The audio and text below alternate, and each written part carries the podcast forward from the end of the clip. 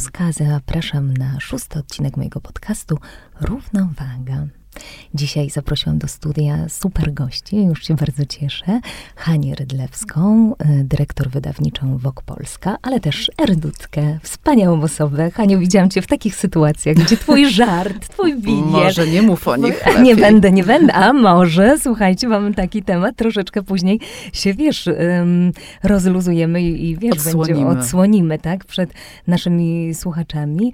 I współautorkę książki Slow Sex, i zaprosiłam też super e, drugiego do, gościa. To jest doktor nauk medycznych Robert Kowalczyk, wykładowca akademicki, seksuolog i psychoterapeuta z Instytutu Splot. Dzień dobry. Dzień dobry. A Mnie tak poważnie Tak, tak, ciebie tak poważnie tutaj. To tak, slow sex to powinienem może tak dla przeciwwagi książkę fast sex. No, no właśnie, możemy może o tym pomyśleć. Słuchaj, no właśnie, bo slow to może też fast, no bo to różne. A... Chociaż fast seksu nie chcemy propagować. Nie, nie chcemy. Ale dlaczego? Tutaj to no właśnie, wiedziałam, że jak was zaproszę, a słuchajcie, a będziemy dzisiaj rozmawiać o seksie. No właśnie, dlatego ci moi goście tutaj w studio. Ale tak na początek, zanim jeszcze się tak troszeczkę rozluzujemy i pociągniemy za języki, jak tu Hania no, wiedziała, że nie, nie da się ciągnąć, ale zobaczymy, zobaczymy, to tak naprawdę powiedzcie, może najpierw ciebie, Haniu, zapytam, czy jest coś takiego możliwego jak równowaga w seksie? Wydaje mi się, że raczej jest to proces łapania tej równowagi, nieustanny, dlatego że seksualność jest procesem i na różnych etapach życia zmieniają się nasze potrzeby.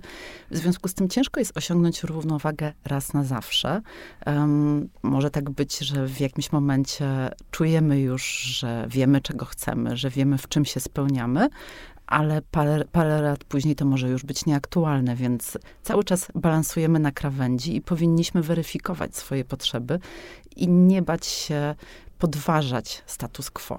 No właśnie, czyli chodzi o tą zmianę. A powiedz, Robert, czy dla ciebie ta równowaga jest y, ważna, czy może właśnie tak, jak tutaj Hania mówi, zupełnie inaczej, do zmiany, do ciągłej zmiany? To zależy, jak ją rozumieć, bo mhm. rzeczywiście, jeżeli myślimy to w kontekście jakiegoś procesu, dynamiki, to osiągnięcie równowagi może być e, pociągające.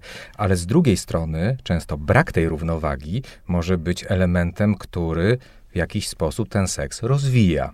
Czy właśnie to poszukiwanie e, alternatywnych dróg e, osiągnięcia przyjemności. No właśnie, a powiedzcie mi, bo ty, Haniu, napisałaś książkę Slow Sex, y, ja ją przeczytałam y, z wielką przyjemnością.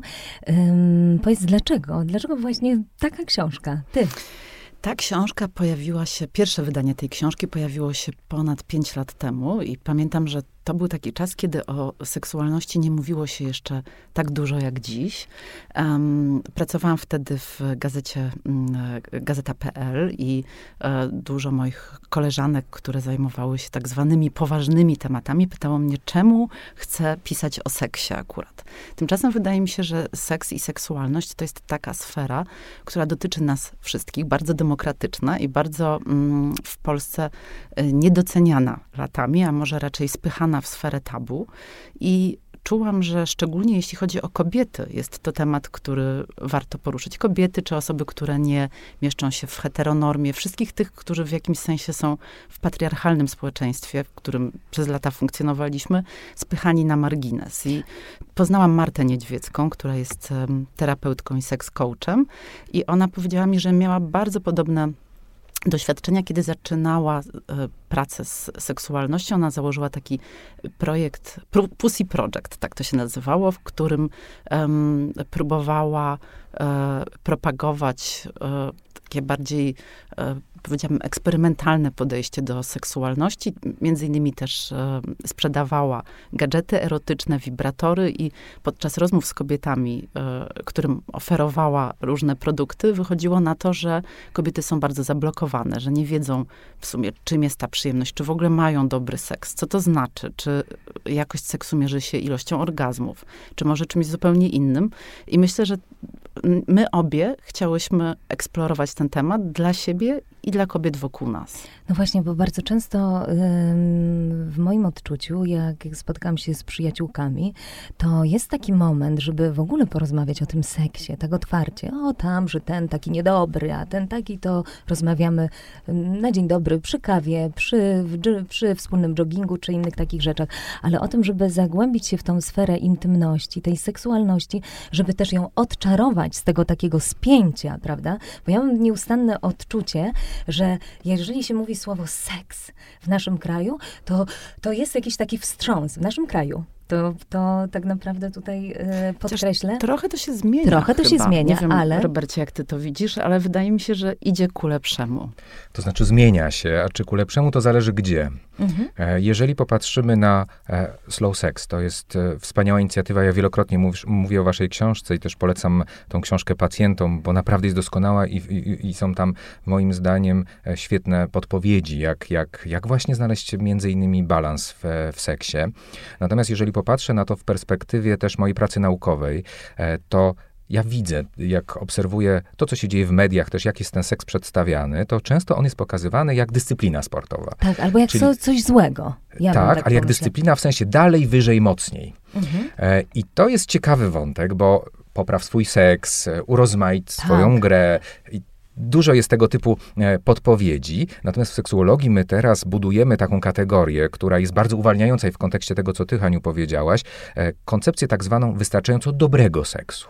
Mhm. E, I Czyli? on czyli takiego seksu, który dla danej osoby będzie optymalny. Bo oczywiście mogą się zdarzyć fajerwerki, ale permanentne oczekiwanie tych fajerwerków, poszukiwanie za każdym razem e, jakiegoś punktu odniesienia e, jako wystarczająco, znaczy najlepszego seksu, to jest droga donikąd i często przeradza się w taką narrację deficytu. A kiedyś to ja miałem, albo doświadczyłem, no albo właśnie. wróćmy do tego, co wtedy było. I zaczyna się mnóstwo porównań wokół tego, a gdzieś zanika to, co ty, Haniu, piszesz y, y, z Martą w swojej książce, e, taki balans i takie wyczucie e, miejsca i czasu, tylko stają się właśnie jakieś wyniki, zawody, e, jakiś rodzaj, jakiś rodzaj porównań, jest, staje się głównym, głównym, głównym motywem. I na pewno też odcięcie od uczuć wtedy następuje, bo jeżeli uprawiamy seks jak sportową dyscyplinę, to bardziej jesteśmy na siłowni, a nie w kontakcie ze swoim ciałem i z drugim człowiekiem. Czyli na efekt bardziej, a nie na tu i tak. teraz. Prawda? Tam... No i jeszcze mamy w głowie głowie wzorce wyciągnięte z pornografii, która też no mocno no nas skrzywiła, szczególnie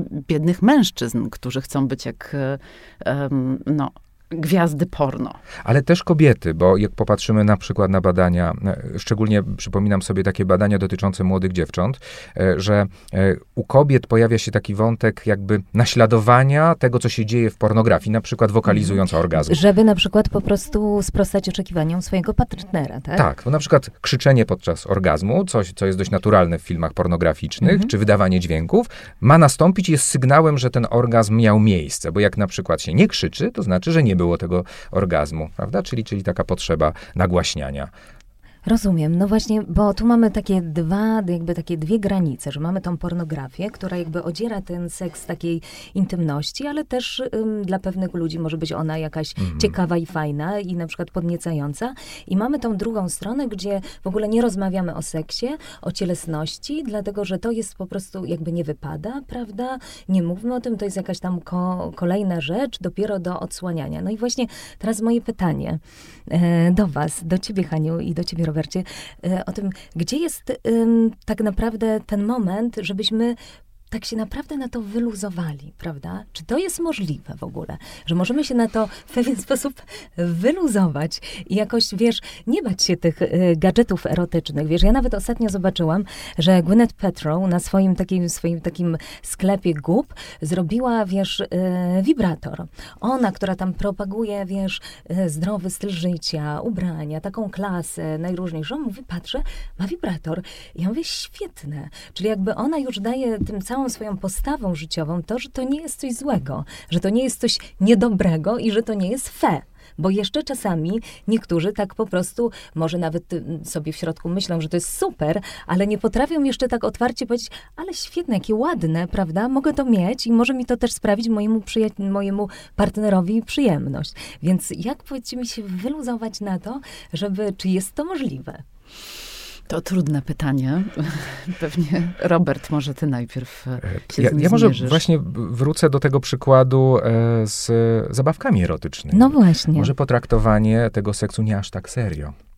Że to jest coś, co jest pewnym rodzajem, może być zabawy, no właśnie. osiągnięcia przyjemności i skupienie się na tym doświadczeniu, o którym ty też, Haniu, powiedziałaś tu i teraz, o tym, że właśnie się tym bawię, że nie muszę tam nic osiągać, pokazywać się, wykazywać się, tylko jako naturalna, natu, jedna z naturalnych przyjemności, jedno z naturalnych przyjemności w życiu. Ja napisałem kiedyś taką książkę, byłem współautorem książki Sex and Cook. Mhm. Czyli z gotowaniem. Książka, która, która seks i gotowanie połączyła. E, I pamiętam tam tą dyskusję wokół tego, co ma się w tej książce znaleźć. Bo mm, właśnie wrócę do tego, co ty powiedziałaś, Haniu, na początku, ty slow sex, a ja tak jak, jak slow food, prawda? Ale też czasem ten fast, fast, fast food też, też jest, daje ogromnie dużo przyjemności. I pierwszy, kto rzuci kamieniem, kto w środku nocy nie pomarzył o frytkach z McDonalda, tak, prawda? Oczywiście. Że to jest takie, właśnie, i dać sobie też na to przyzwolenie, żeby tam też nie było jakiejś realizacji skryptu, bo ja często widzę takie jakby u swoich pacjentów, że jest jakieś wyobrażenie, jak ma być, jakiś performance w tym seksie się tworzy, że właśnie odgrywanie jakichś ról. Scenariusze. Tak, i właśnie trochę pozbycie się tego, że tam nie ma scenariusza. Tylko powiedzmy po... od razu, że slow sex to nie jest seks powolny, tantryczny, nie, a fast sex to szybki numerek, bo szybki numerek też może być jakościowy i też e, może być skomunikowany z naszymi potrzebami. Jak najbardziej, tylko że, mm, tylko, że też właśnie w takim sensie, że rozpoznanie tych potrzeb, prawda? Tak, Tutaj jest... Slow, czyli na jakość, zwrócenie uwagi tak. na jakość, tak to rozumiem. Ale właśnie wróćmy jeszcze do tych y, do zabawek. Tego do tego, nie, do tej zabawy. zabawy. do tej zabawy, bo wiem, że są y, seks shopy w naszym mm. y, kraju, ale jednak podobno w tych seks shopach, jeżeli ktoś idzie, chce sobie coś kupić, to panie, które tam właśnie sprzedają, mówią, że najwięcej właściwie klientów mają przez internet, i najwięcej mają takich, y, którzy rzadko tam przychodzą i kupują, uwaga, e, te takie molekuły, czy jak to się nazywa, te takie mm, jak to jest, powiedzcie mi, te takie zapachy, zapachy które... Z feromonami. feromonami, tak, tak. Że to jest tak. ich największy, rozumiecie, najlepszy produkt, który się sprzedaje A. i tego na przykład kobiety nie wstydzą się wejść do takiego seks shopu i kupić sobie te feromony. I właśnie jak na przykład zachęcić też, ja, ja tak sobie myślę, jak zachęcić te osoby właśnie, które do takiej zabawy właśnie, do tego wspólnej zabawy z drugim partnerem, że można się czasami przebrać, że można właśnie mieć te najróżniejsze gadżety i że to nie jest złe, że to jest fajne i że to może prowadzić do tego, że to może być po prostu coś miłego, że to może być jakaś fajna, czuła zabawa. To jest fantastyczne pytanie, bo to jest, e, bo właśnie nawet jak mówimy, mówimy zabawki, ale też są różne zabawki. Mhm.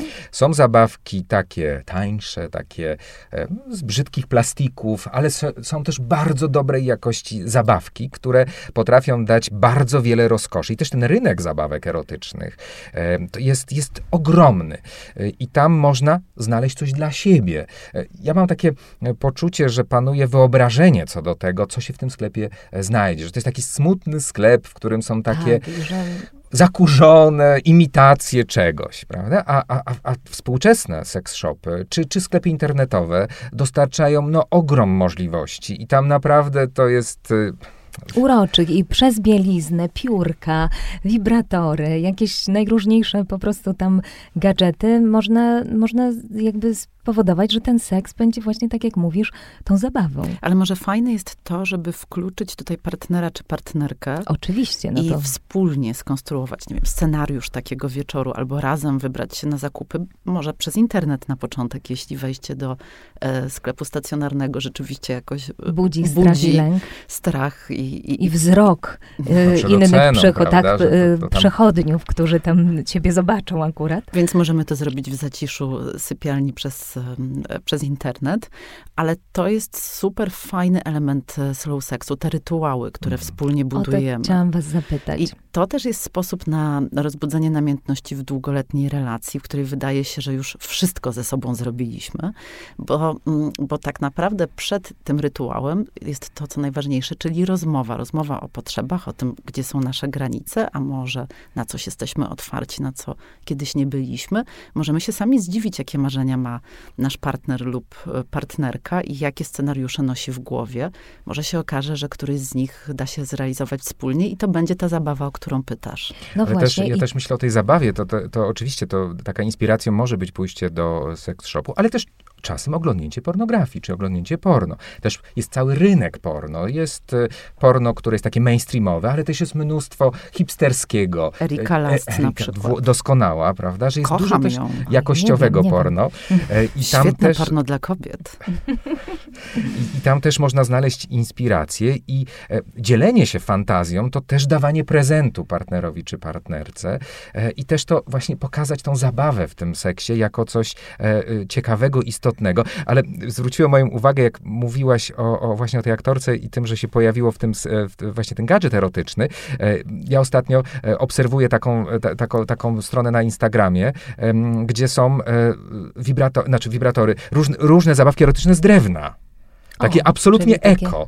Więc, A, więc, to, to więc, to jest, tak. więc to jest też, też, można znaleźć coś absolutnie dla siebie. I właśnie takie... Dla ekofrików, ekozabawki seksualne. Dokładnie, ale trochę mi się wydaje, że, że w naszym kraju jest wokół zabawek jednak, czy, czy właśnie tych, tych miejsc mnóstwo mitów i stereotypów, bo na przykład Niemcy, to tam to, to, to jest no, tak popularne, że w supermarkecie jest po prostu wydzielony fragment, w którym są, nie wiem, Beate Uze prezentuje i nagle pojawiają tak. się się, pojawia się po prostu stoisko, na którym tutaj można kupić skarpety, tutaj można kupić wibrator, a tutaj można, prawda, iść i, i kupić coś do jedzenia. Czyli jest wszystko, prawda? Tak. I to jest też pokazane w naturalnej przestrzeni, a u nas niestety często za kotarką, za jakimś takim emblematem, który nie zachęca. Tak, ale teraz właśnie wracając do tego też, co powiedziała e, Hania, powiedz mi właśnie e, mhm. z twojego punktu, czy jak przychodzą do ciebie pary, na mhm. przykład z wieloletnim stażem, i które na przykład są już w takim momencie, że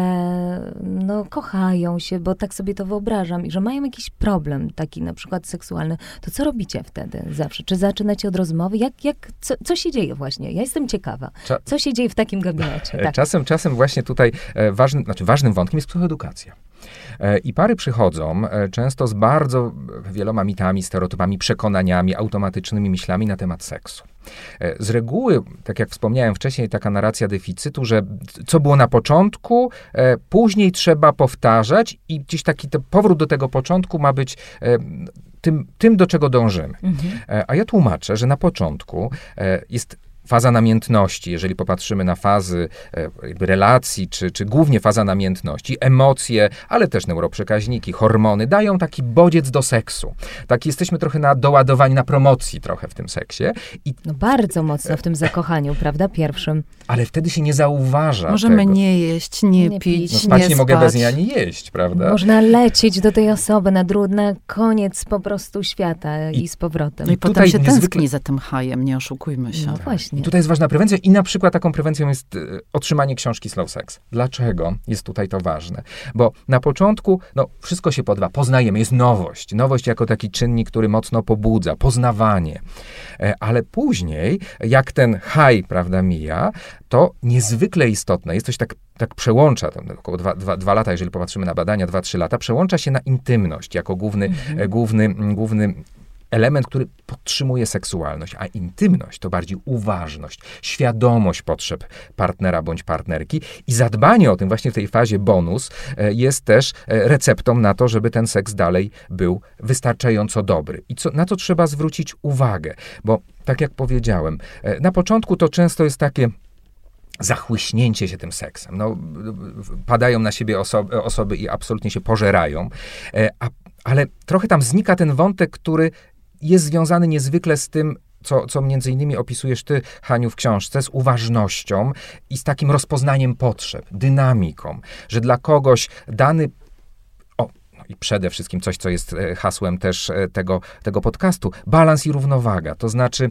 e, jak powiedziałem o tych stereotypach i mitach, to tam pojawia się takie przekonanie, nie wiem, partnera to w związku to się seksem trzyma i w związku z tym trochę z moich potrzeb mogę zrezygnować, bo dla niego to jest ważniejsze, więc na przykład e, dla mnie te rzeczy, które, które są ciekawe w seksie, e, a na przykład partnera nie kręcą, to no trochę na bok je mam i na przykład są rzadziej, e, rzadziej są podejmowane jako, jako, nie wiem, pozycja, technika seksualna. Albo odwrotnie, robię coś, czego nie lubię, bo partner chce. Bo partner bądź partnerka, znaczy chcemy taki ten prezent dać, ale trochę tak tymi prezentami zasypujemy.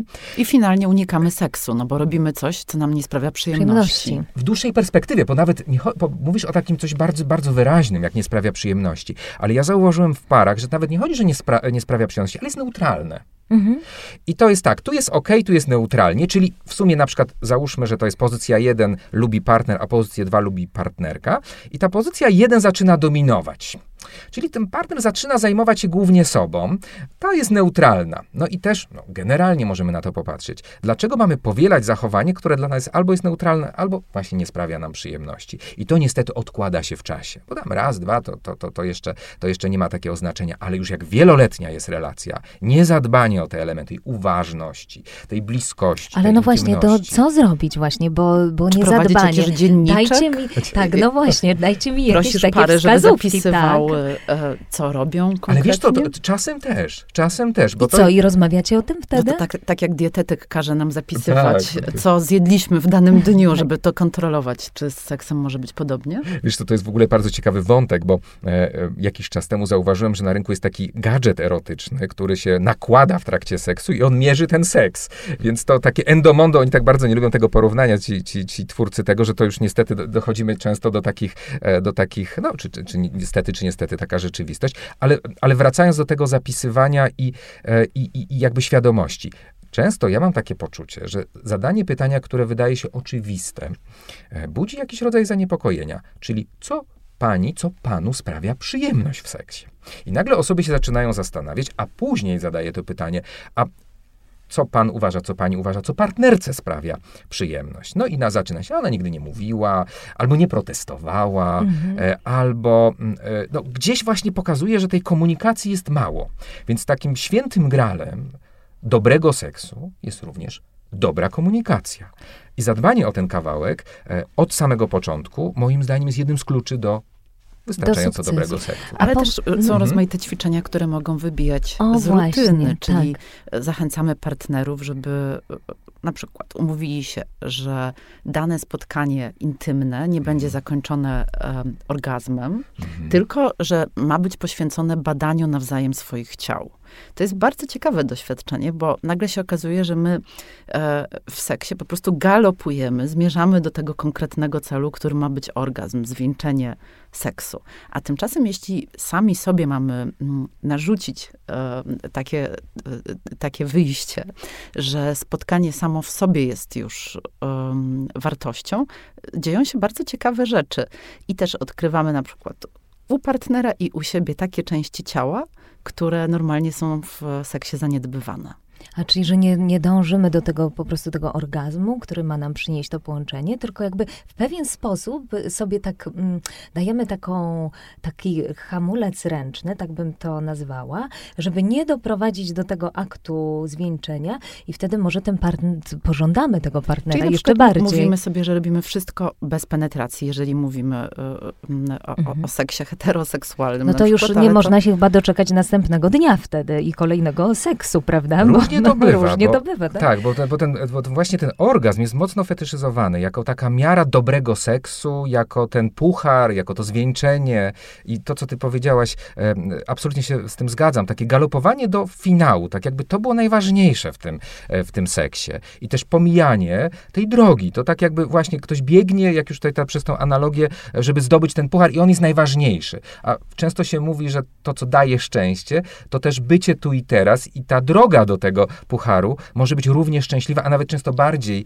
niż, niż sam, sam e, właśnie orgazm, który jest utożsamiany z jakąś kulminacją, finałem, e, czymś, co jest to jest w ogóle ciekawy wątek. Bardzo długo w seksuologii dyskutowano seksualność głównie z perspektywy męskiej. I w tej perspektywie męskiej, no właśnie w takim linearnym, klasycznym modelu, ten orgazm rzeczywiście miał tam e, istotny, istotny moment, znaczy to był istotny moment i budowana cała ta narracja była właśnie wokół tego e, finału, orgazmu, kulminacji. Natomiast Rosemary Basson, to były lata, początek XXI wieku, stworzyła taki model, który jest bardziej złożony, cyrkula, cyrkularny, E, który pokazuje, że orgazm nie jest warunkiem satysfakcji w seksie, co było ogromnym przełomem. To wtedy właśnie, między innymi, zaczęło się przebijać kobieca narracja o seksie. Że e, właśnie, że to wcale ten orgazm i ta satysfakcja, e, że to, to nie jest aż takie, takie nierozłączne, że można mieć świetny seks, wielopoziomowy, no naprawdę tutaj osiągać coś, co, co, co, co, co osoby opisują, jakie kręgi wtajemniczenia, bez orgazmu. O, niesamowite, czyli można sobie dać przyzwolenie na to, dzisiaj tutaj naszym słuchaczom dajemy przyzwolenie, że słuchajcie, nie musi się zawsze skończyć orgazmem wręcz przeciwnie, to nie jest koniec świata, prawda? I są następne dni, gdzie można jeszcze bardziej to wszystko rozwijać. To, ale A... przez tą analogię do jedzenia, którą chciałbym, e, dlatego dla niej, o niej powiedziałem, bo to jest tak, że mamy wiele dań, mamy, prawda, przystawkę, pierwsze, drugie, kolejne i deser. No, utożsam, e, można utożsamiać ten orgazm z deserem. Nie zawsze ten deser musimy zjeść żeby, nie, żeby był sycący, e, sycący posiłek. Ja tam lubię kilka przystawek. Ja też. A słuchajcie, bo chciałam was o to zapytać, dlatego że większość moich przyjaciółek, y, jak już się tak rzeczywiście pociągnie je za język, jak już się poczują bardziej bezpiecznie i rozmawiamy o tym seksie, użyję teraz tutaj troszkę brzydkiego słowa, y, mówią coś takiego, wiesz co, ja bym tak bardzo chciała, żeby on mnie po prostu wziął i wypieprzył. Wiesz, że w dzisiejszym świecie mam wiele koleżanek, wiele koleżanek, które po prostu chciałyby czegoś takiego, żeby mężczyzna wziął ją za włosy, po prostu rzucił gdzieś o ścianę, że brakuje im tego. Brakuje im w mężczyznach właśnie tego, oprócz tego slow seksu, tego, o czym rozmawiamy tutaj, tego takiego, y, tej czułości, która z biegiem czasu mija, gdzieś tak bardzo potrzebują mieć taką dominację też tego mężczyzny nad sobą. Mam takie przyjaciółki, a czemu, a czemu nie dostają tej dominacji? No właśnie, nie dostają. I to jest pytanie do was, bo wiele y, ja, ja, ja ich o to nie pytam, ale pytam was, jako specjalistów w tej dziedzinie, dlaczego właśnie, czy coś się stało z mężczyznami, że oni teraz mm, z, tą, z tym takim obrazem męskości, że oni teraz boją się, czy boją się właśnie wziąć kobietę za włosy na stół, tak jak wiesz, w listonoszu, który zawsze dzwoni dwa razy, Jack Nicholson, czy to jest, czy co się stało właśnie? Bardzo ciekawe pytanie, bo ostatnio właśnie zauważyłem, że dużo wątków się pojawia wokół właśnie męskości i tego spełnienia w seksie w kontekście męskości. E, I właśnie, e, nie, niedawno ukazała się książka Magdaleny Kuszewskiej e, Chciałbym, o męskich fantazjach seksualnych. I dlaczego o tym mówię? Bo mam poczucie, że w takiej też narracji bardzo po, typowej, mainstreamowej, one są dość mocno wartościowane, te fantazje męskie, że są te rozbudowane, te fajne, kobiece, te wielopoziomowe i te banalne, jakieś archetypowe, jakieś jaskiniowe męskie. Czyli właśnie to pociągnięcie za włosy i, i wrzucenie do jaskini. E, I to jest też tak, że są mężczyźni, którzy absolutnie e, utożsamiają się z ideą równościową i niestety ją trochę traktują na zasadzie dość dosłownej, że tu nie możemy się bawić pewną konwencją, dominacją na przykład w seksie, czy, czy jakimś rodzajem też prowadzić jakieś gry, tylko właśnie ma być porówno. A czasem porówno, czy tam właśnie, mo, może właśnie, to, to może o, jak z tańcem, że może umówmy się, że czasem będę prowadził. I to nie oznacza, że jestem jakimś wstecznym, jaskiniowym e, samcem, e, bo, bo, ja mam takie poczucie, szczególnie u takich, e, bardzo takich e, e mężczyzn, którzy są taki absolutnie równościowi, świadomi, że, że boją się tego, że no wyjdzie jakiś taki kawałek z nich, który, który pokaże, odkryje ich jakąś, jakąś zwierzęcą naturę, jakiś, jakiś, jakiś samczy, banalny instynkt. I tak auto się cenzurują. Ale też można na seks... A myślicie, że to troszeczkę przez to, co się dzieje y, w społeczeństwie, że teraz jest y, bardzo często y, można być oskarżonym o jakieś nadużycia, o jakieś mhm. inne rzeczy, później o, na przykład oskarżonym oskarżonym po latach o gwałt, czy o inne takie, że myślicie, że to też jakby opinia publiczna Jak najbardziej. i to wszystko wpływa też na to? Jak najbardziej, bo to jest też tak, że to oczywiście nie dyskutujemy samej idei, która jest, która jest wspaniała, rewolucyjna i,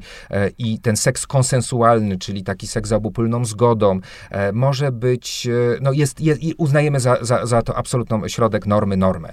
Czyli, ale też ta zgoda to jest to, na co my się umawiamy w, w relacji, a nie na zasadzie, że ma być równiutko, E, albo, albo właśnie bez jakiejś konwencji. To ciekawe, bo powiedziałaś o tym, o tym takim no, rzuceniu, takim, to nie wiem, właśnie wypieprzeniu, prawda, jako taką, takiej fantazji, e, a tam, e, jeżeli popatrzymy fantazję kobiet, to też w krajach, gdzie jest taki silniejszy kawałek konserwatywny, to częściej pojawiają się fantazje o zgwałceniu. Właśnie chciałam powiedzieć, że na, na topie kobiecych fantazji w Polsce według badań tak, nadal jest gwałt. Tylko, no że konwencja, bo to nie o to chodzi, żeby być zgwałconym, tylko to jest pewien rodzaj na przykład oddania kontroli. No właśnie.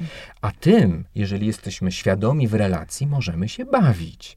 Stąd na przykład w najnowszych takich wytycznych medycznych, seksuologicznych jest podkreślanie tej konsensualności i coś to wiele lat było e, uważane za coś e, no, dewiacyjnego, niedobrego, czyli BDSM.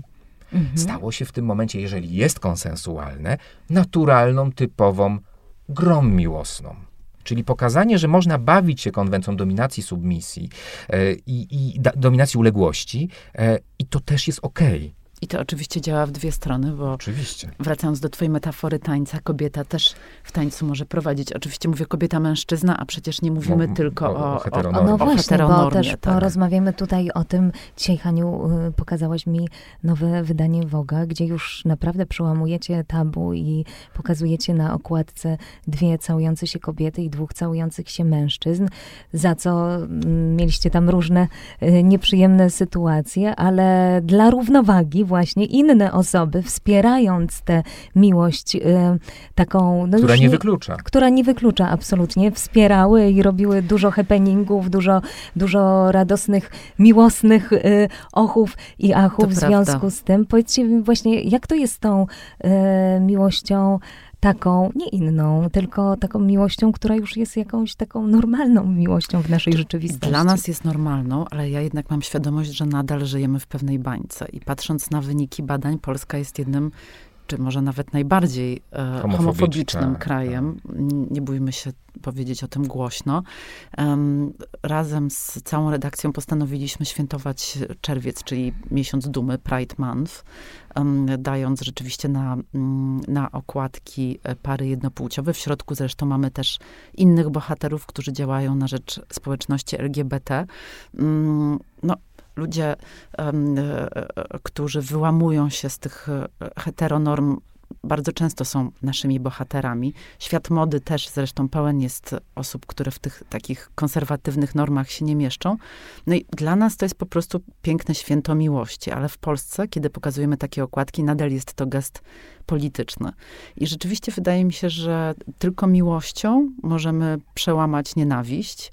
Dlatego bardzo, bardzo podobała mi się inicjatywa naszych czytelników, którzy potem jak plakaty z naszymi okładkami zostały zniszczone, zasprejowane, umówili się absolutnie spontanicznie na e, wspólne całowanie, zbiorowe całowanie. Ile to musiało energii, w ogóle takiej wibracji wysokiej pójść do góry. Zrobiliście naprawdę super rzecz. A ty całuj mnie. Dla koherencji, tak. Tak to tak. się nazywało na Facebooku. E, no i oczywiście cieszę się bardzo z, z tych pozytywnych reakcji, ale jest to taka radość zaprawiona goryczą, tak. bo nie cieszę się z tego, że takie rzeczy nadal w XXI wieku się dzieją i wydaje mi się, że musimy wszyscy bardzo się starać, my, media też, żeby, żeby walczyć o zmianę postrzegania osób LGBT w naszym społeczeństwie, bo no, nie wyobrażam sobie, żebyśmy w kolejnych latach nadal byli na topie tego okropnego rankingu. No Tym właśnie. bardziej, że to nie jest też tak, że to jest jakiś rodzaj przyzwolenia. Tutaj nie mówimy o tolerancji, czyli dawaniu e, czegoś e, tym gorszym, tego lepszego, prawda? Mówimy akceptacji, mówimy absolutnej równości, e, jeżeli chodzi o doświadczenie. E, I też to, co ty powiedziałaś, Haniu, homofobia jest faktem, ale za homofobią idą mnóstwo negatywnych rzeczy, takich jak za, częstsze zaburzenia depresyjne, lękowe, e, częstsze i to jest też... No bo to jest takie nie, niebycie w społeczeństwie, prawda? Odrzucanym. Tak, na ustawicznym wykluczeniu, na stresie mniejszościowym. Niedawno skończyliśmy ogromne badania dotyczące narkotyków i seksu e, i niestety okazuje się, że e, no właśnie, że te narkotyki, alkohol są częst, częstsze w grupie e, mężczyzn. Tutaj akurat badaliśmy nieheteroseksualnych. Nie dlatego, że to jest takie wpisane w, w, w, nie wiem, w lifestyle, tylko dlatego, że to jest sposób radzenia sobie życiu w stygmatyzującym społeczeństwie. Żeby w ogóle móc to robić, tak, prawda? Dokładnie. Że, żeby móc się przełamać, żeby, żeby móc być, czerpać prawda? z tego tak. przyjemność. A jeszcze mam do ciebie, Robercie, pytanie takie, bo e, wśród młodych ludzi, takich już wiesz, czasami dziesięciolatków, jedenastolatków, e, występuje już takie określenie tej płciowości, mhm. że bardzo często młodzi ludzie, czy nawet tacy czternastolatkowie, piętnastolatkowie, coraz częściej zaczynają e, postrzegać siebie nie jako osoby heteroseksualne, tylko mhm. właśnie tak mówisz, binarne, binarne, najróżniejsze, mhm. najróżniejsze. I teraz zauważyłam, że tego jest bardzo dużo, że bardzo też, czy to jest moda trochę wśród takich młodych ludzi, czy wręcz przeciwnie? Czy to jest coś takiego, że już wychodzimy spoza tych takich kajdan, które nas trzymały i w końcu ci ludzie, ci młodzi ludzie zazwyczaj nie wstydzą się już tego w szkołach mówić. I teraz mhm. to jest moje pytanie, czy przechodzimy troszeczkę w drugą stronę, czy wręcz przeciwnie? Bardzo ciekawe pytanie, ono często się pojawia, i, ale ja to słyszę jakby w kontekście też gabinetowym. To nie jest moda, to jest przyzwolenie. To jest tak, mhm. że niestety wiele, wie, no, dziesiątków, dziesiątków, setek lat e, seks był narzędziem też e, władzy. Tu Foucault o tym doskonale e, pisał, że no, jakby majstrowanie na poziomie politycznym seksualnością przynosi bardzo określony rezultat. Teraz Oczywiście. Pol Presiado, tak? O biopolityce, ta, o tym, że, że ta, nasze dokładnie. ciała podlegają um, nadużyciom i są narzędziem władzy. Dokładnie tak. E, I teraz popatrzmy na to w tej, jakby, to, to, to, to jest jakaś chwila w, te, w, te, w tej całym e, wiekach, e, wiekach jakby ustawiania czegoś po bardzo pod określony schemat, że pojawia się przyzwolenie. Tym bardziej, że w okresie dojrzewania jest taki okres też budowania własnej świadomości. I my się teraz coraz więcej dowiadujemy o tożsamości. Teraz odchodzimy też od pojęcia orientacji seksualnej na rzecz pojęcia bardziej dynamicznego, złożonego tożsamości seksualnych. To, że jednak jest, jest koloryt tych tożsamości, że to są wybory y, y, dotyczące tej tożsamości, o wiele bardziej plastyczne, a nie wpisane w bardzo określony schemat. I to jest też tak, że to, to, co my w seksuologii podkreślamy. Są różne drogi dojścia do przyjemności, różne schematy tej przyjemności i też zbudowanie tej harmonii, co dla mnie jest atrakcyjne, jest kluczowe. E, a coś, co jest schematem, stereotypem, może być bezpieczniejsze, bo jest jakoś nadane.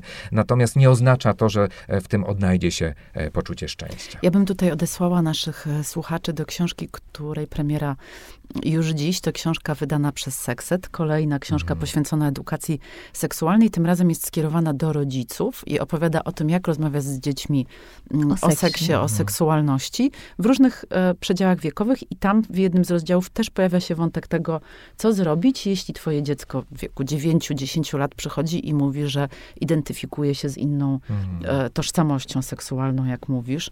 Um, bardzo, bardzo przydatne, pełne, e, pełne narzędzi. E, pełne narzędzi książka, gdzie tak. właśnie rodzice mogą już iść i, i, szukać porady. Ja będę pierwsza, która ją zakupię. A teraz e, jeszcze mam takie pytanie właśnie o taką troszkę nieprzyjemną rzecz.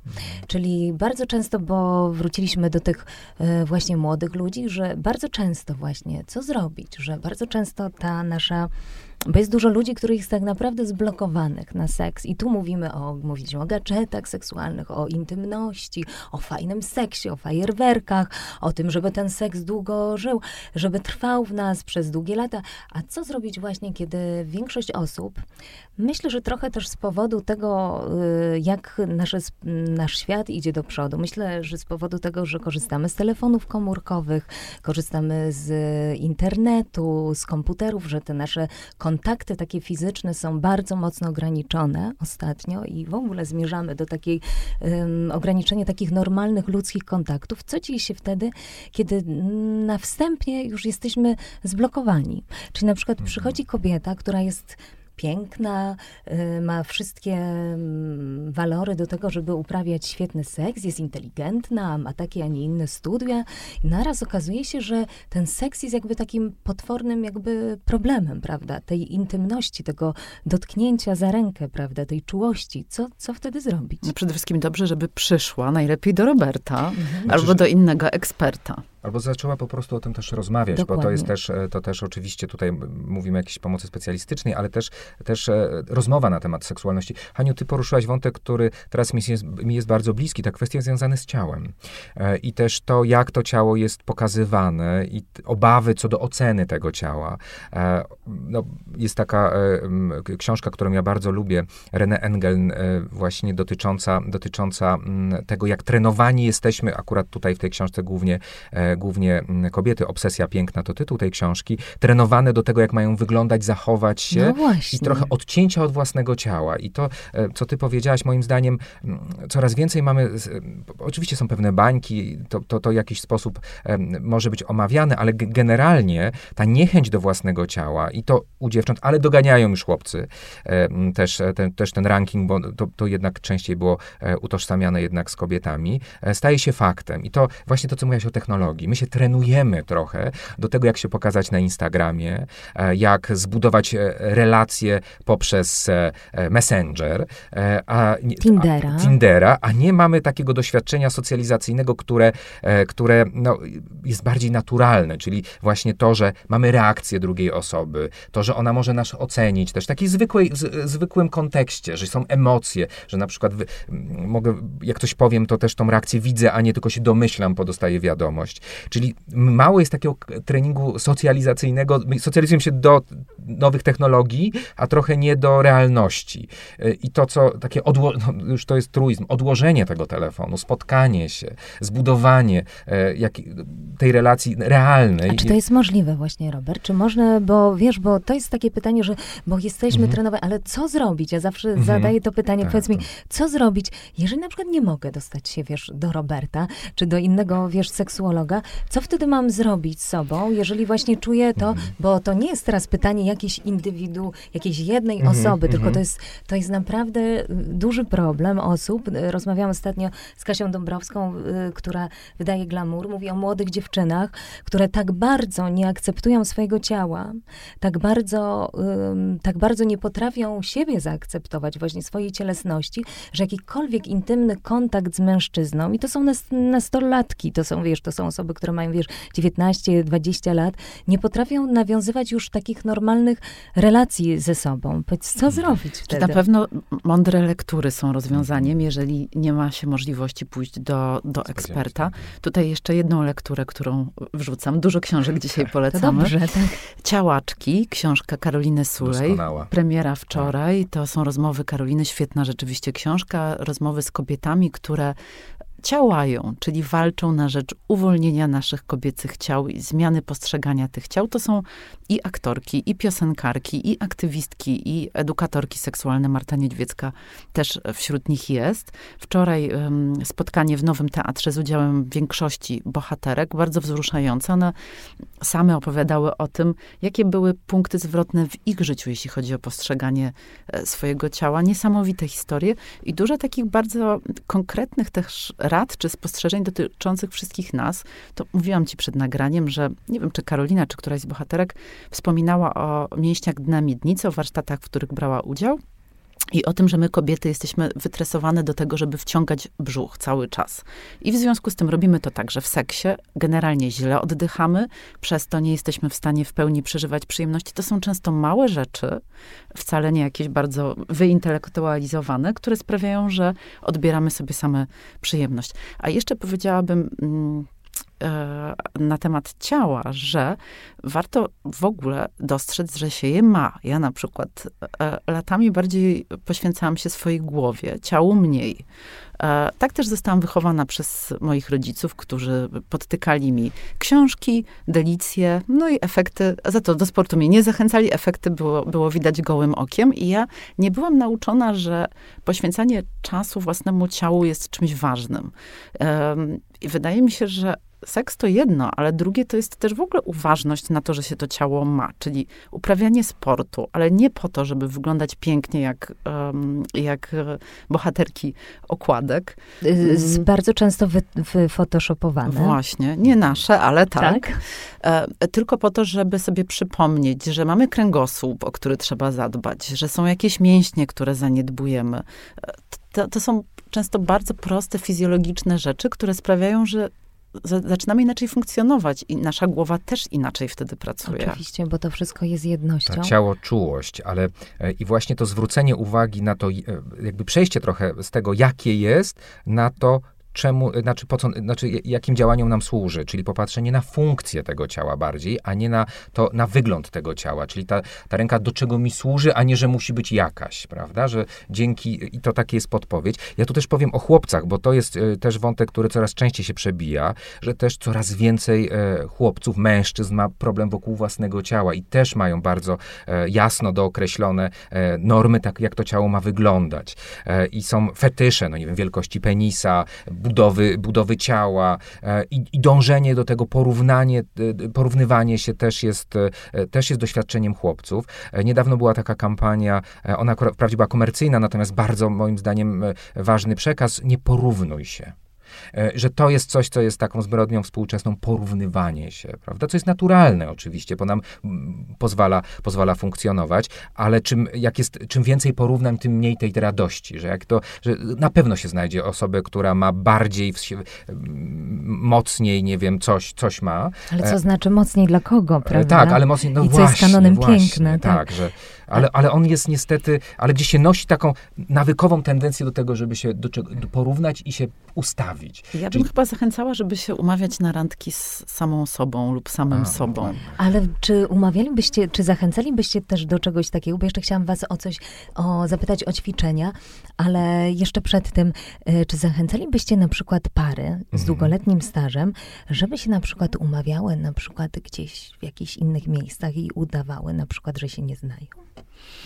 No, ale nie no, świetny pomysł, nie no, znają się, rozumiem, że to jest jakaś taka gra. Wszystko jest dla ludzi. Podejrzewam, że ja akurat bym umarła ze śmiechu, ale być może są osoby, które w taki które scenariusz by, by, weszły. Pewnie gdybym się miała przebierać i udawać, że mój mąż jest, jest pilotem. Na a... przykład. To a ty jesteś stewardessą? Niesfornym pa, pas, niesforną pasażerką. Właśnie, to wyszedł, dokładnie, wyszedł bez tego serial. to taka sztampa. Tak. Serial w stylu alo, alo bardziej niż Erika Last, ale... Ale? Kto wie. Ale, ale kto jeżeli wie. komuś to e, pasuje, to jak najbardziej. Szczególnie, że e, jest to moim zdaniem ogromny potencjał w odgrywaniu ról i nawet jak się są badania dotyczące tego, co, co osoby próbują w łóżku, to właśnie role. I, I, zabawa konwencją, zabawa właśnie w, w różne, w różne e, role może być doskonałym dodatkiem do seksu po Dokładnie. prostu. Dokładnie. Chciałam was jeszcze zapytać, Haniu, bo w twojej książce jest takie ćwiczenie, że dobrze jest stanąć przed lustrem i popatrzeć na to ciało, bo tak po prostu i podziękować mu i zacząć do niego mówić. Tam jest to ćwiczenie, że I to jest mówić... ta randka z samym sobą, tak. bo mi wcale nie chodziło o samą miłość. Mi chodziło o to, żeby spędzić czas ze swoim ciałem i naprawdę zacząć o nie z czułością dbać. To może być sport, tak jak mówiłam. Samotny spacer, długa kąpiel, pójście na masaż. Dbajmy o siebie i wrzucajmy I to sobie, sobie to przyzwolenie, prawda? Czyli y, stanąć przed lustrem i powiedzieć, kocham cię moja szyjo, kocham cię moje piersi, kocham cię mój brzuchu, bo jestem jedyny i wyjątkowy i taki tutaj jestem na tym świecie, prawda? Co też nie musi być łatwe, bo wiadomo, że nie zawsze jesteśmy w 100% zadowoleni z tego, co w tym lustrze widzimy. Nasze ciała noszą na sobie nasze historie, historie też chorób, które przeszliśmy, gorszych okresów, które mogliśmy mieć, więc patrząc na te ciała widzimy też historię, która za nimi stoi i musimy się jakoś z tym zmierzyć i skonfrontować, ale powinniśmy to zrobić. Może z takim szacunkiem do tego ciała, po prostu, z szacunkiem do niego. I też pokazanie go właśnie jako pewien rodzaj nasz, no to co ty powiedziałaś, moim zdaniem to porównanie do, nosi naszą historię, to jesteśmy tą wyjątkowość tego, tego naszego ciała, ale ten sam, bo ja mam takie poczucie, że to e, trafia częściej do kobiet ten przekaz, ale żeby też trafiał do mężczyzn, bo e, w, jak mówisz o tej siłowni, to trenowanie się, tresowanie się, takie sprawdzanie się, e, to, to oczywiście przynosi efekty, ale e, często to ciało jest po prostu źle traktowane i to, i ten, i, i ten, i ten apel, o, który, o którym, o którym którym tutaj wspominacie, to też właśnie do, do, do facetów, do mężczyzn, że, że to ciało też musi być zaopiekowane. I to męskie ciało, i też i, i ono właśnie nie jest po to, żeby, żeby tutaj e, wszystko, prawda, tym ciałem, e, żeby ciało to używać i bez, w sumie bez żadnego, bez żadnej konsekwencji, tylko też, e, no jakby w tym kontekście, że to jest zadbanie, pójście na masaż, prawda, kąpiel, to też jest coś dla, dla facetów. A podobno, mm, wiecie, bardzo trudne jest y, dla partnerów wieloletnim związku, właśnie nie wiem, czy ty, Robert, masz też takie doświadczenia, po prostu powiedzenie drugiej osobie, co ja w tobie lubię i za co cię cenię. A to jest w ogóle przeciekawy wątek, bo e, pary często mówią, że na początku to w ogóle wszystkim się wymieniały, w ogóle były jakieś, jakieś takie nastawione, a później pojawia się coś takiego jak rodzaj zażenowania, wstydu, że, że na przykład, e, no teraz już się wstydzę swojej partnerce powiedzieć, na co mam ochotę, bo jakoś tak się za bardzo do niej przywiązałem, że jakiś się krępuje się. To, to, to na początku, to właśnie to nie jest utożsamiane, jak patrzę w takich relacjach, których słucham z początkiem, tylko właśnie z późniejszym etapem. Że to jest też w sumie, to już jest matka, sio, to jak, jak siostra trochę, no że, że pojawia się jakiś rodzaj skrępowania. E, po ciąży, po, znaczy jak pojawia się dziecko, to też jest taka zmiana, że no tak, no ona już nie jest kochanką, jest matką, a z matką przecież się nie sypia. I tam jest dużo takich rzeczy, które powodują, że tworzą się takie jakieś, jakieś co, niby coraz bliżej, prawda, niby coraz częściej, e, ale nagle tworzy się jakiś rodzaj bariery i to jest opakowane w jakiś rodzaj zażenowania, wstydu, jakiś, ale też gry, bo, bo, bo to w związkach, które no, ma, mają dłuższy staż, to zaczynają się różne gry e, i, i, i, takie właśnie spojrzenie, to pójście na tą pierwszą randkę, to są jakieś, właśnie to, to, to, to, to, to, co, może być jakimś przełamaniem konwencji, jeśli nie znamy się, poznajemy. I co byśmy chcieli o sobie powiedzieć? I, i tak jakby trochę zaczęcie od nowa może być takim przełamaniem, przełamaniem takiego impasu, natomiast to jest do pracy, co się tam dzieje, bo, bo właśnie te wątki, które e, takie, że, że niby bardzo blisko, ale jednak no, to już się krępuje. Ale ja wciąż jestem zaniepokojona, że twoje koleżanki nie mówią swoim partnerom, czego nie. chcą. Tak. Ty tak. musisz je namówić. Ja je tego. będę, ja dlatego robię ten podcast. E, ale też myślę, że. Ale taką prośbę, no, może taki apel. Powiedz dziś partnerowi, na co masz ochotę. Tak, to jest. Wyślij im wszystkim SMS-y. Nie, nie wszystkie są takimi, wiesz, szczęściarami po prostu. Ale chciałam wam powiedzieć, że może warto powiedzieć też do swojego partnera: Uwielbiam, jak całujesz moje piersi i uwielbiam, jak robisz to. Uwielbiam, jak y, dotykasz albo łapiesz mnie z tyłu. I może to też dobrze, i może to też jest ten powrót do takiej czułości. Uwielbiam, jak na mnie patrzysz, że mm. te wszystkie takie proste słowa, które, um, które no gdzieś powodują jakieś, naraz się może okazać, że spowodują dreszcze w tej drugiej osobie, i właśnie może wtedy ten partner weźmie za włosy no, poruszają jakby dawno zapomnianą strunę, prawda? No bo tak. to jest coś, co na początku e, jest. I, I też parę o tym mówią. Na początku jakoś było więcej uważności, czułości. E, był ten A to czas, jest chyba ta proste, przestrzeń. Te, te słowa są proste, jak i trudne. Jak i trudne, tak, tak. No. Są, są, są, tak są, bo to te konteksty się pojawiają, że to, że jakieś, jakieś obawy, prawda? I też no, po prostu też jakby odpowiedzenie sobie na pytanie, e, że tak naprawdę to jest mój wybór, że ja jestem ze swoją partnerką i partnerem i, a nie Nikt jakiś mnie do tego nie zmusza. Tak, że to i, i, w takim razie jak chcę polepszyć tą jakość, no to, no to też muszę się postarać. Ja też mam takie odczucie, że jest taki moment, że taki, dotyczący miłości, że on się nie stara. Że to jest tak, że jak się poznają te osoby, to już będzie wszystko działało i to w ogóle absolutnie jest to przepis na długo i szczęśliwie. Ale to jest nieprawda. Tak samo jak się powinno pracować na mił z miłością, tak jak i z seksem. Na każdym etapie są różne potrzeby, e, a nie właśnie odpuszczenie sobie, no dobrze, zdobyłem ją, zdobyłem jego e, i, i na tej, no i, no i mam już wygraną, mogę odstawić na, do gabloty i, i, i się tylko tym cieszyć. No, no właśnie nie. Słuchajcie, bardzo Wam dziękuję za to, że porozmawialiście ze mną o seksie, o intymności, o czułości. E, myślę, że może troszeczkę e, zachęciliśmy naszych słuchaczy do tego, żeby się bawili tym seksem, żeby mówili do siebie czule, żeby też z czułością podchodzili do siebie. Bardzo Wam dziękuję, bo widzę, że jesteście niesamowicie otwartymi, wolnymi duchami, czyli jesteście szczęściarami. Pociągnęłaś nas za języki jednak. Troszeczkę. Bardzo Ci dziękujemy za zaproszenie. E, również bardzo Ci dziękuję. No i właśnie temat, cieszę się, że ten temat no, coraz częstszy jest w przestrzeni takiej e, nie tylko pornograficznej. Bardzo dziękuję.